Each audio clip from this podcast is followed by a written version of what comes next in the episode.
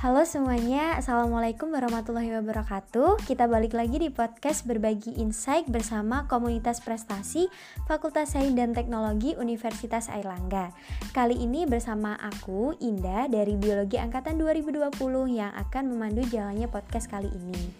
Jadi untuk podcast kompres telah memasuki episode keempat nih teman-teman untuk tema materi podcast kali ini adalah mengenai how to best presentation atau kalau bahasa Indonesianya sendiri berarti bagaimana cara melakukan presentasi yang terbaik.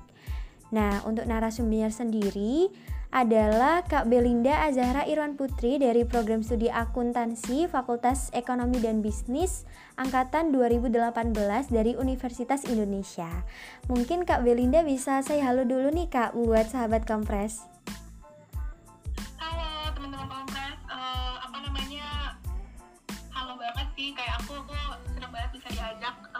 Sharing-sharing lewat podcast ini tentang how to deliver best presentation ya gitu. Sampel juga aku Belinda, bisa dipanggil Bel aja, bener banget kalau kata apa namanya moderator gitu ya. Aku akuntansi dari Universitas Indonesia. Salam semua. Oke, terima kasih Kak. Sebelumnya aku mau memaparkan CV-nya dulu nih teman-teman. Uh, pertama dari professional experience sendiri, Kak Belinda pernah menjadi commercial intern dari Philip Morris International, business operation dari Ruang Guru, dan juga polisi analisis intern dari American Chamber of Commerce. Lalu kedua dari pengalaman organisasi, pernah menjadi research fellow di ASEAN Development Bank. Nah terakhir prestasinya sendiri, Kak Belinda pernah menjadi first winner of National Business Case Competition, Best Presenter in Singapore International Multidisciplinary Academic Conference uh, dan juga mahasiswa berprestasi di Fakultas Ekonomi dan Bisnis Universitas Indonesia di tahun 2021. Nah, untuk CV-nya sendiri nggak akan aku baca semuanya karena banyak banget pencapaian yang telah diraih oleh Kak Belinda sendiri. Jadi kalau dibaca semuanya nanti durasi waktu eh, nggak uh, akan cukup nih teman-teman.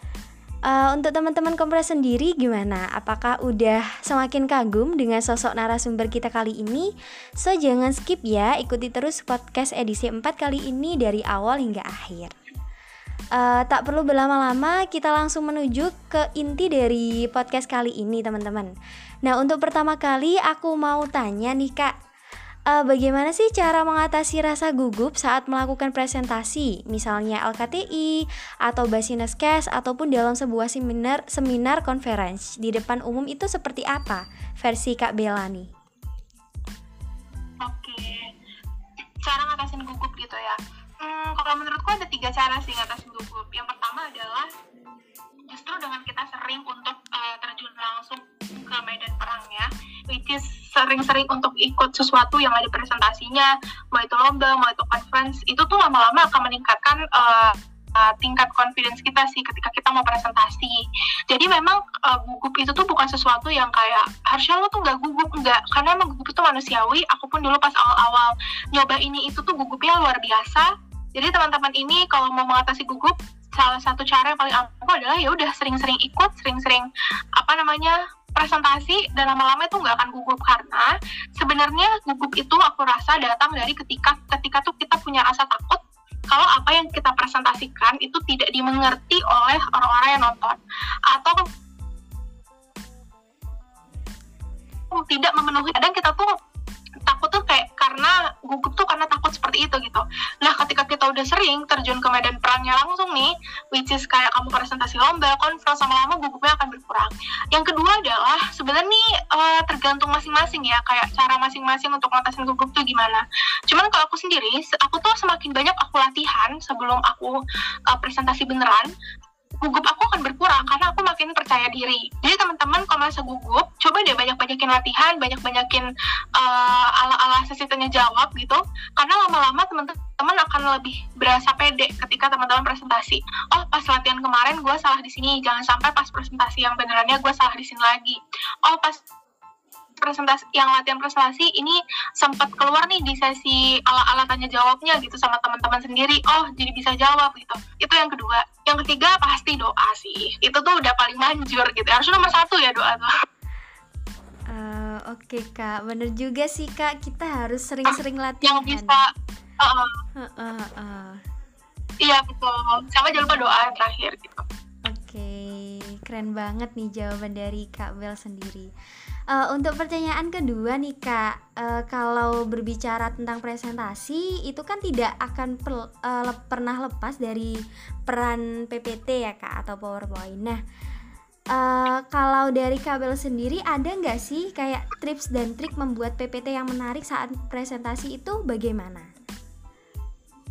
Tips and trik membuat PPT menarik. Yeah. Hmm, sebenarnya itu tergantung ya. Oh, maksudnya kamu tuh ikut apa dulu gitu. Kalau misal kamu ikut kompetisi, itu pun beda-beda. Maksudnya kalau kamu ikut bisnis case apa namanya tipe PPT-nya akan berbeda ketika kamu ikut bisnis plan competition ketika kamu ikut conferences PPT-nya akan style PPT-nya akan berbeda ketika kamu ikut uh, investment competitions jadi sebenarnya pertama teman-teman harus define dulu teman-teman tuh konteksnya tuh sedang ikut apa nah misalnya pernah uh, sedang ikut lomba bisnis case gitu ya.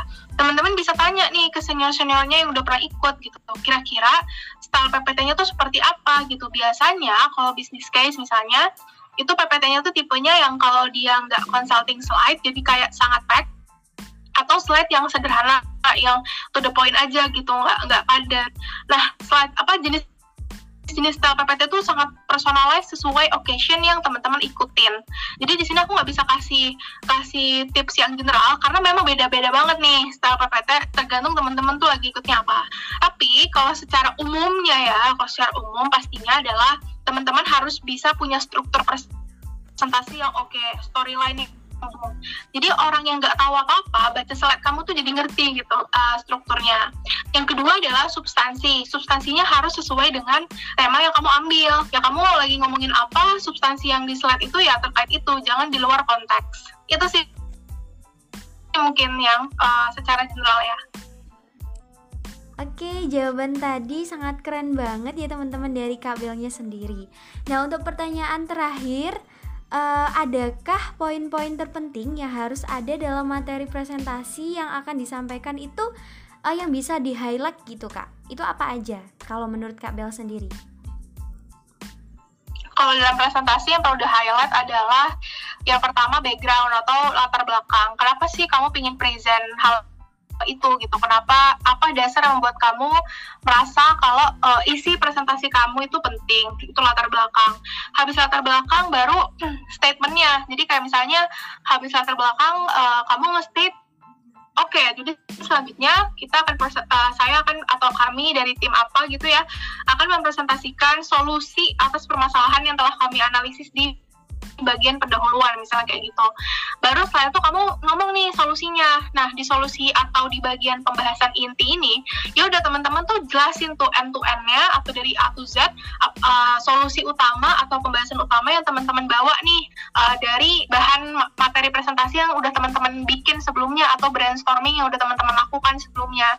Di bagian solusi make sure lagi teman-teman punya struktur yang jelas ada story lainnya jadi teman-teman yang baca itu ngerti Nah, habis solusi, teman-teman baru deh masuk ke penutupnya. Kayak jadi setelah teman-teman uh, bahas isi atau solusi apa sih key takeaway atau kesimpulan yang bisa teman-teman ambil supaya teman-teman yang mungkin ketika lihat presentasinya nggak punya waktu banyak jadi dia cuma bisa skimming oh kesimpulannya ternyata ini gitu. Jadi itu sih mungkin kayak struktur yang memang secara garis besar itu uh, harus dimasukin di presentasi. Tapi aku pengen notet lagi teman-teman ini ini tergantung sekali ke occasion atau event yang lagi teman-teman ikutin. Beda uh, strukturnya ketika teman-teman ikut bisnis case dengan bisnis plan. Beda ketika teman-teman ikutnya mungkin lomba esai terus teman-teman presentasi dengan lomba lain atau event lain atau conference lain. Jadi sebenarnya personalize-nya itu tergantung uh, teman-teman tuh lagi ikut apa. Nah, teman-teman harus cari tahu. Gampang banget cari tahu, tinggal nanya yang udah pernah menang, tanya lewat LinkedIn gitu tanya seniornya yang udah pernah ikut atau as simple searching di Google aja gitu searching Google searching di sosial media seperti itu Oh, oke okay, oke. Okay. Terima kasih untuk jawaban dari Kak Belinda. Uh, terakhir banget nih, ada nggak Kak kesan pesan atau uh, sesuatu yang ingin disampaikan dari materi kali ini nih dari Kak Bel sendiri?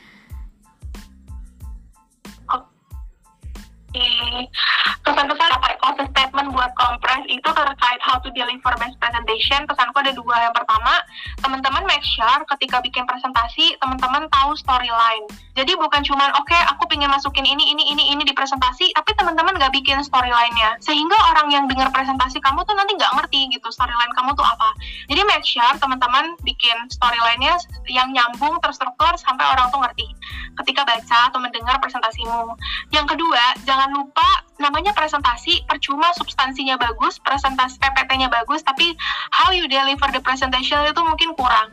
Jadi teman-teman harus imbang antara bikin PPT yang bagus yang substantif dengan teman-teman latihan presentasinya. Uh, latihan presentasi itu nggak bisa sekali dua kali langsung lancar nggak berkali-kali. Baru bisa lancar baru bisa salahnya sedikit. Jadi teman-teman mungkin itu sih pesan aku untuk how deliver best presentation itu bukan cuma dari uh, konten PPT tapi dari cara gimana kamu presentnya. Kalau dua-duanya oke okay, pasti kamu inilah bisa deliver best presentation lah gitu Oke, alhamdulillah uh, tibalah kita di akhir sesi podcast edisi 4 kali ini. Sebelumnya aku mau ngucapin terima kasih untuk narasumber hebat kita yaitu Kak Belinda yang telah meluangkan waktunya untuk menjadi narasumber di podcast kali ini. Nah, buat teman-teman yang mau tahu lebih mengenai sosok Kak Belinda seperti apa, bisa kepoin langsung di akun Instagramnya langsung ya. Untuk Kak Belinda, semoga karir ke depannya semakin lancar ya Kak. Uh, amin ya rabbal alamin.